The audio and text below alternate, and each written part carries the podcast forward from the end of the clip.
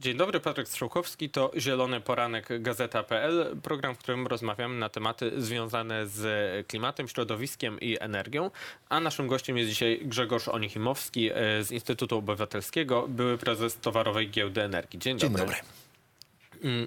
W energetyce i tematach związanych z energią w zasadzie cały czas, mam wrażenie, już e, od, od, od dawna dzieje się dużo, jest o czym rozmawiać. Taki temat, który jest e, bardzo aktualny, to kwestie planu Polski na energetykę i coś, co może też pojawi się w kampanii wyborczej w tym roku, ale o tym za chwilę. E, Taki plan, dokument najważniejszy, który mówi o tym, jak ma się transformować nasza energetyka, to jest polityka energetyczna Polski do 2040 roku. Mam, ten dokument obowiązuje, ale rząd chciał go zaktualizować. W marcu przedstawił, e, Ministerstwo Klimatu pokazało swoje koncepcje do aktualizacji, dostosowania e, tego dokumentu do zmieniających się, się rzeczywistości. No a teraz usłyszeliśmy, że tej aktualizacji jak na razie e, nie będzie. Dowiedzieliśmy się o tym z dokumentu, który PiS podpisało z Solidarnością i tam jest mowa o tym, że tej częściowej aktualizacji nie będzie, ma być duża, mają być prekonsultacje. O co w tym wszystkim chodzi? Jakie znaczenie po pierwsze ma ta polityka energetyczna, ten dokument i dlaczego rząd nie jest w stanie przyjąć e, aktualizacji, którą sam przez wiele czasu wypracowywał? Jeśli chodzi o energetykę w ogóle, to ona jest, y, sądzę, dzisiaj kluczem do zrozumienia przyszłości Polski y, w bardzo wielu perspektywach, bo kształt tej energetyki będzie być może w dużej mierze przesądzał o kształcie państwa jako takiego. Jeśli popatrzymy na to, jak dzisiaj układa się energetyka, y, jakie są megatrendy światowe, k- ku czemu zmierzamy, to chociażby te słynne 3D, czyli e, dekarbonizacja, obniżenie e, emisji CO2, e, decentralizacja, czyli pójście w kierunku mniejszych, sz- szczególnie jeśli chodzi o produkcję mniejszych jednostek. Wszyscy stajemy się do pewnego stopnia i producentami, i odbiorcami energii. No i trzecia e, sprawa to, e, to jest e, cyfryzacja, czy, czyli idziemy w kierunku nowoczesnych systemów zarządzanych przy pomocy sztucznej inteligencji itd. itd. Oczywiście to ma olbrzymie skutki, jeśli chodzi o kształt gospodarki, jak ta gospodarka będzie wyglądać.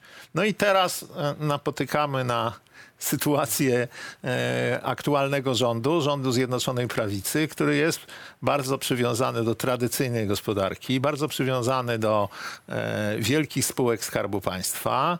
E, Ja często tak dość brutalnie mówię, że Ministerstwo Aktywów Państwowych jest dzisiaj Ministerstwem Korupcji Państwowej e, i wiązania właśnie tych dużych organizacji gospodarczych i pracujących tam osób e, z partiami politycznymi i tworzenie takich klienckich układów, prawda, klientystycznych układów.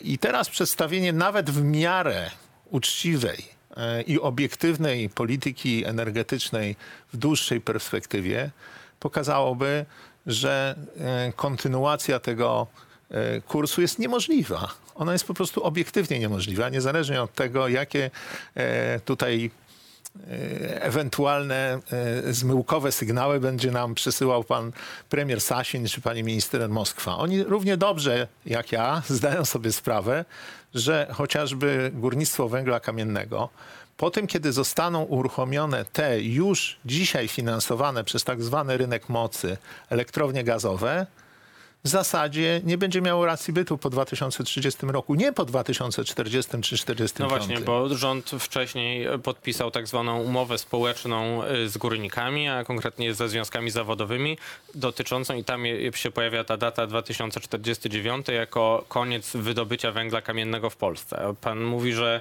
rząd sobie zdaje sprawę, że rz- rzeczywistość będzie inna. No, przynajmniej mam nadzieję, że sobie z tego zdaję sprawę. Bo tu e, jakby kluczem nie jest e, fakt wycofywania się w ogóle z energetyki węglowej, z tego, że nie będzie tych bloków węglowych, bo szczególnie te, które niedawno powstały, które zresztą zostały zainicjowane zarządów Platformy Obywatelskiej, pięć e, bardzo nowoczesnych bloków na tak zwane parametry nadkrytyczne. One prawdopodobnie jeszcze będą, jak to się mówi, służbie przez kilkanaście lat ale czas ich e, wykorzystania będzie się dramatycznie skracał. Dlatego, że latem, kiedy jest dużo energii odnawialnej i ze słońca, i z wiatru, prawdopodobnie e, uzupełniać tę, tę energetykę odnawialną będzie wyłącznie elektro, e, e, będą wy- wyłącznie te elektrownie gazowe, ponieważ je łatwiej e, włączać, wyłączać. One są tym, tą, tą krótkoterminową elastycznością systemu. Dają tę elastyczność do systemu. E, W związku z tym te elektrownie węglowe prawdopodobnie będą coraz częściej spychane do roli takiej głębokiej rezerwy, która będzie przywoływana tylko na coś, co jest określane tym e, słynnym niemieckim Dunkelflaute słowem, czyli e, na czas, kiedy nie ma wiatru i nie ma słońca. To, że rząd zdaje sobie z tego sprawę, potwierdza ta planowana aktualizacja polityki energetycznej, bo chociaż cały rząd jej nie przyjął, no to teraz Ministerstwo Klimatu tę swoją propozycję w ramach tak zwanych prekonsultacji opublikowało na swojej stronie. No i tam chyba widzimy właśnie to, o czym pan mówi, bo mm, chociaż y, elektrownie węglowe pozostają, no to w, według tego rządowego planu odpowiadają już za niewielki procent produkcji energii w 1935 roku. To jest elektro, węgiel kamienny, to jest e, 20, niecałe 20 gigawattogodzin z ponad 200, y, ty- 20 tysięcy z 200 tysięcy, mniej niż y, 10%. No czyli widzimy, że nawet rząd przewiduje, że wbrew temu, co może mówi górnikom, będzie tak jak, tak jak pan mówi, to znaczy, że rola tego węgla kamiennego i brunatnego tym bardziej będzie już bardzo mała w kolejnej dekadzie. No tak, to oczywiście określają obiektywne warunki, bo po pierwsze mamy do czynienia z polityką klimatyczną Unii Europejskiej, ale ja bym nawet tego za bardzo nie przesądzał. Jakby nie, nie przesadzał, że, że, że to właśnie tylko i wyłącznie ceny uprawnień CO2 będą spychały energetykę e, węglową poniżej progu opłacalności. E, Też relacje między gazem a węglem. Gaz staje się e, po raz pierwszy w ciągu ostatnich lat stał się już takim em, commodity, czyli, czyli towarem światowym. Przestał być towarem lokalnym, że pobieramy tylko z tych źródeł, z którymi jesteśmy połączeni rurociągami. Dzisiaj głównym e, medium, przez które przekazujemy gaz jest LNG. E, W związku z tym kupujemy to LNG wszędzie na świecie, gdzie, gdzie jest najtaniej, e, ponieważ e, zużycie gazu, do, w szczególności do tych celów takich jak cele grzewcze czy, czy cele bytowe, się obniża. A tego gazu jest coraz więcej odkrywanego, no to te ceny sądzę, że będą bardzo konkurencyjne wobec węgla i że, że gaz jednak po tym wielkim zawirowaniu, które było dwa lata temu, ale tutaj uwarunkowania były inne. Głównie chodziło o to, że nie ma infrastruktury do importu tego gazu do Europy. Teraz ta infrastruktura już jest. W związku z tym stosunkowo szybko mogliśmy się e, pozbyć gazu rosyjskiego z naszego menu europejskiego i powiedzieć, OK, to w takim razie jest to dla nas wielka lekcja. Nie możemy się uzależniać za bardzo od paliw kopalnych. Wszystko to, co dzisiaj mówi Unia Europejska, czy poprzez Repower EU, prawda, ten, ten dokument, czy taki dokument jak Net Zero, Net Zero Industrial Act, wszystkie te dokumenty mówią o tym, będziemy ograniczać wszystkie paliwa kopalne już nie mówi się o odejściu od węgla. Już jakby odejście od węgla przestało być tym takim e, wyznacznikiem bycia zielonym. Dzisiaj mówi się o odejściu od paliw kopalnych w ogóle. No właśnie, a z drugiej strony w tej, z tej polskiej perspektywy cały czas słyszymy głosy, że gaz, no nawet jeśli jesteśmy y, już e, niezależni od tego z Rosji, no to jesteśmy zależni wciąż od kupowanego z różnych miejsc, co wciąż naraża nas na mm, wahania cen. Być może nie w, aż w takim stopniu, ale jest to jakieś zagrożenie. No i stąd są te głosy, że powinniśmy jednak trzymać się do e, tego węgla przez długi czas, dopóki nie będziemy mieli na przykład wielu elektrowni atomowych. To na przykład mówi ta najbardziej prawa część rządu, czyli Solidarna Polska. No tak. Suwerenna Polska. Suwerenna. Polska, tak. No, no, no tak, ale to jest zamykanie oczu na rzeczywistość, tak? A ta rzeczywistość wygląda tak, że proszę zauważyć na przykład, jak wyglądały ceny energii w Polsce, jak wyglądały ceny węgla w Polsce w ciągu ostatnich dwóch, trzech lat.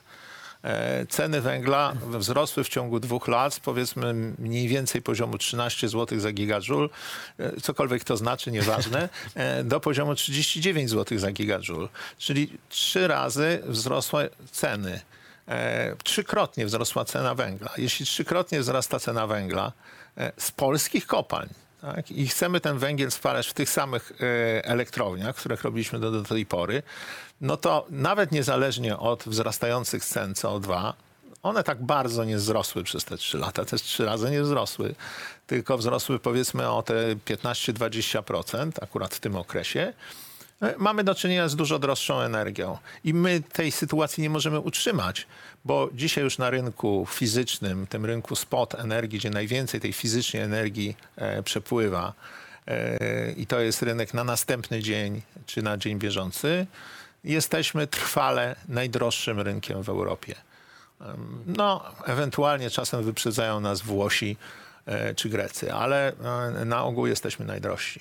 Czyli to też może doprowadzić do takiej sytuacji, że nawet jeśli sami nie będziemy mieli dużo czystszej energetyki, to po prostu z perspektywy czysto ekonomicznej będzie nam się opłacało kupować tę energię od sąsiadów, którzy mają więcej czy nawet nadwyżki energii ze słońca czy, czy z wiatru, zamiast produkować tę naszą z węgla.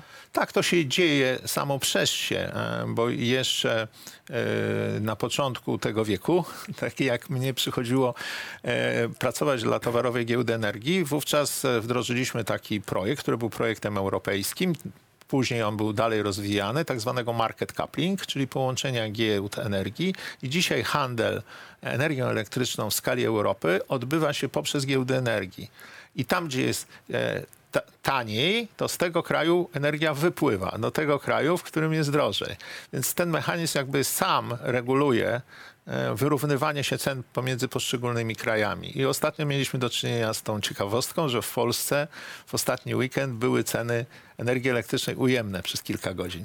No i te ceny ujemne właśnie zaimportowaliśmy przez ten, przez ten mechanizm ponieważ w kilku krajach europejskich różne systemy wsparcia dla energetyki odnawialnej są takie, że producenci jakby dostają i tak swoją cenę, nawet jeśli e, sprzedają e, po cenach ujemnych na giełdzie, no to siłą rzeczy właśnie te przepływy transgraniczne spowodowały, że u nas też ta cena ustaliła się jako, e, jako cena ujemna.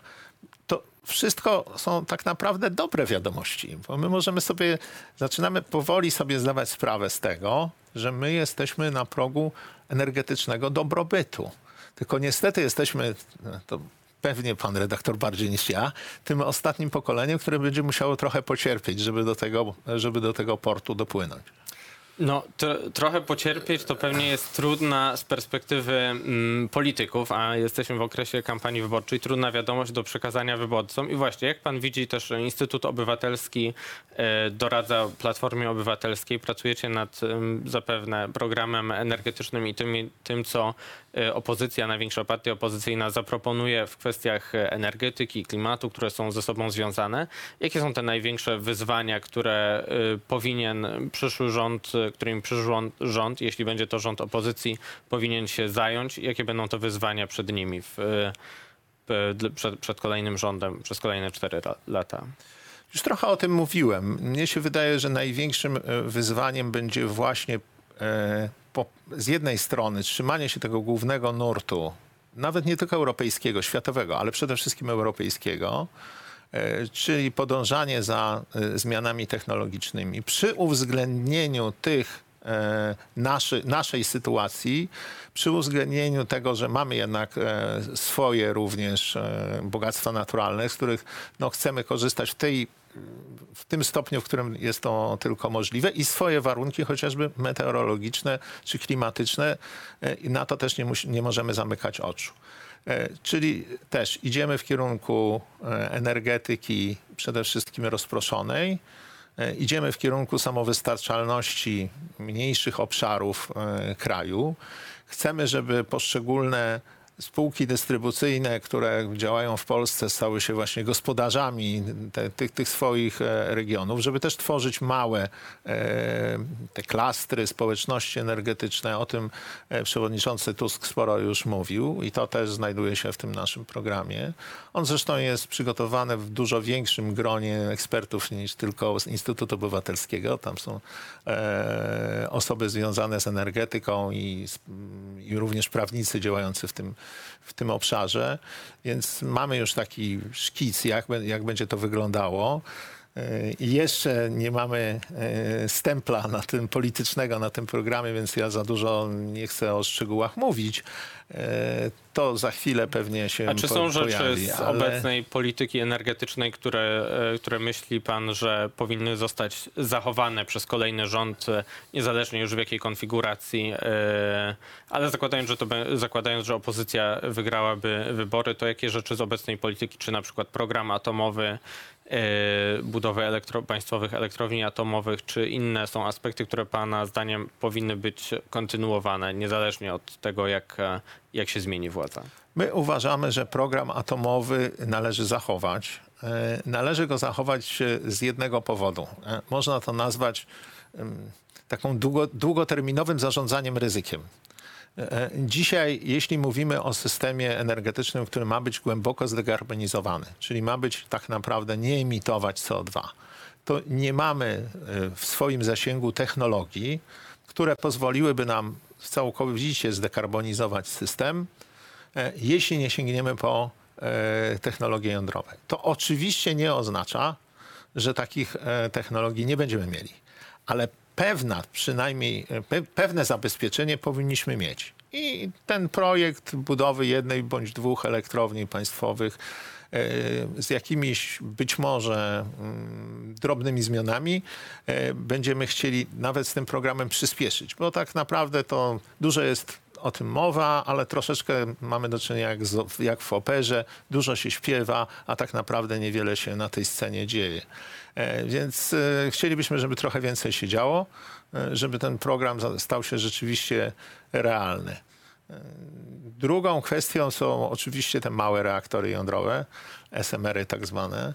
No i tutaj będziemy patrzyli bardzo na, na rozwój tej technologii, bo oczywiście mydlenie dzisiaj oczu o tym, że będzie tych reaktorów w Polsce, nie wiem, 50, 70 czy 130, już nie wiem, co, którą wersję pan prezes Obajtek ostatnio e, po- podaje, to jest absolutnie, e, to jest absolutnie marzenie ściętej głowy. Nie, nie mamy zamiaru opierać całej energetyki w Polsce na atomie.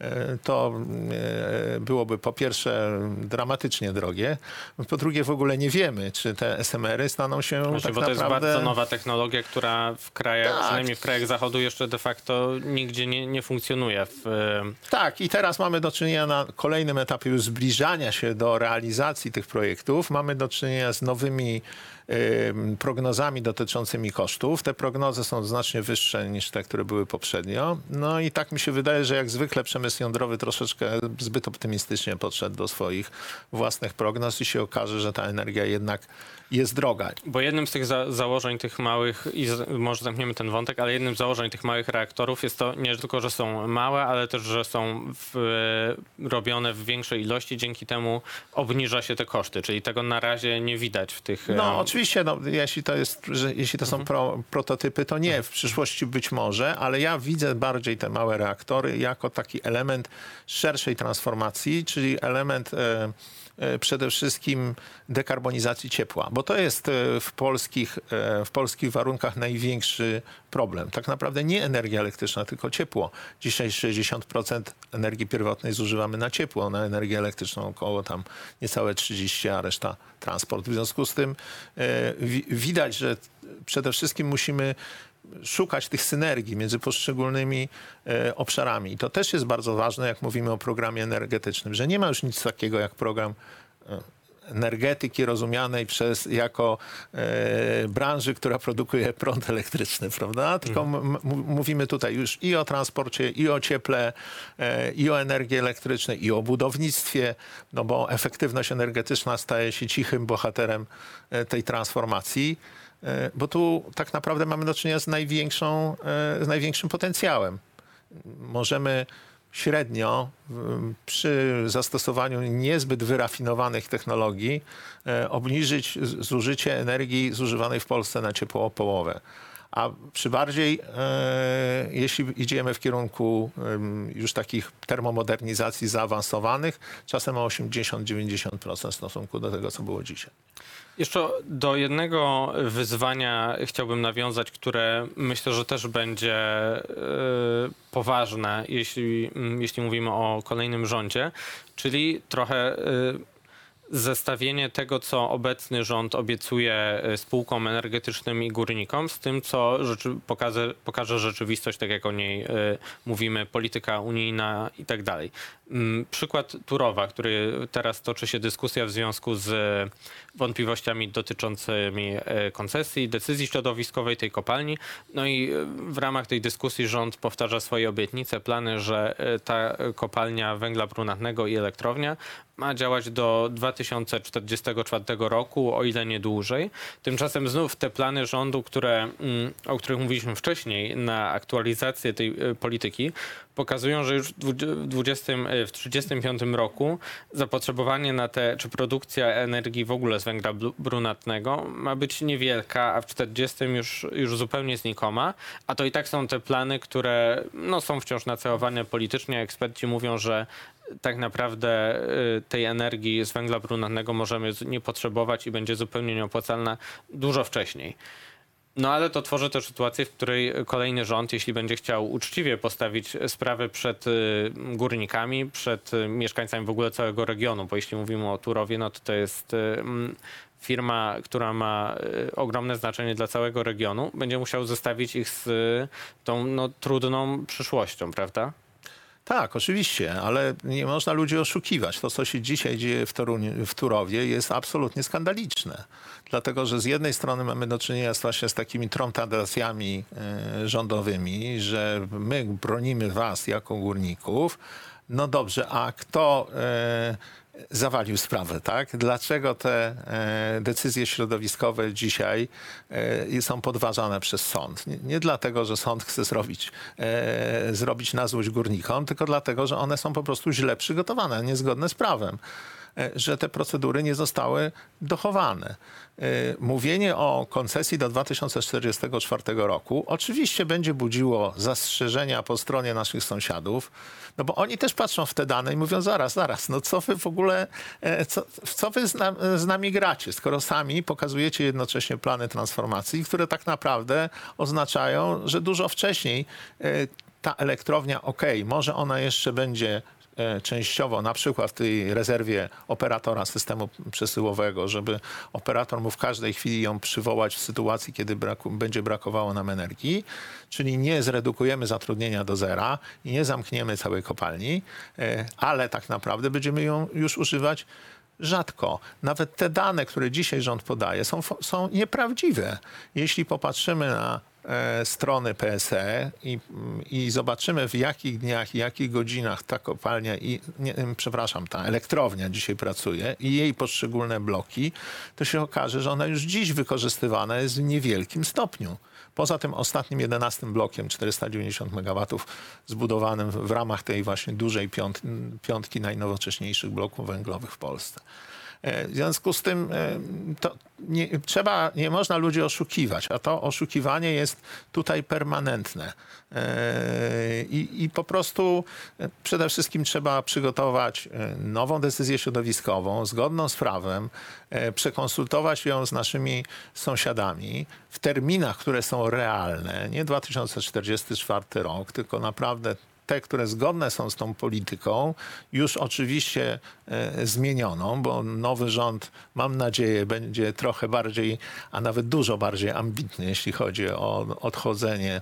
E, my zakładamy, że... Dwa, a już, że... już kończąc, e, jak szybko, jeśli jesienią mm, po jesiennych wyborach zmieniłby się rząd, ile czasu e, będzie potrzeba na przygotowanie takiej polityki energetycznej? Bo to nie jest też e, prosta sprawa, więc nawet jeśli no, zobaczymy, jaki będzie e, skład tego rządu, jakie mhm. partie wejdą w skład koalicji, jak łatwo bądź też trudno będzie te kwestie uzgadniać. Ja uważam, że nie będzie trudno, ponieważ wszystkie partie tworzące tą demokratyczną opozycję mają bardzo podobną podobny zestaw e, propozycji dotyczącej energetyki. A jeśli chodzi o zestawy, zestaw ekspertów, to jak pan się domyśla, my się wszyscy bardzo dobrze znamy, lubimy się między sobą, wymieniamy się jakimiś tam informacjami, oczywiście tymi, którymi możemy. E, I w związku z tym mamy dobrą, myślę, dobrą między sobą komunikację i wiemy, w którą stronę wszyscy idziemy. I to jest podobna, to jest bardzo podobny kierunek. Kierunek, który mówi, 2000, już 2030 rok powinniśmy ograniczyć tak naprawdę o 3 czwarte emisje z sektora e, elektroenergetycznego.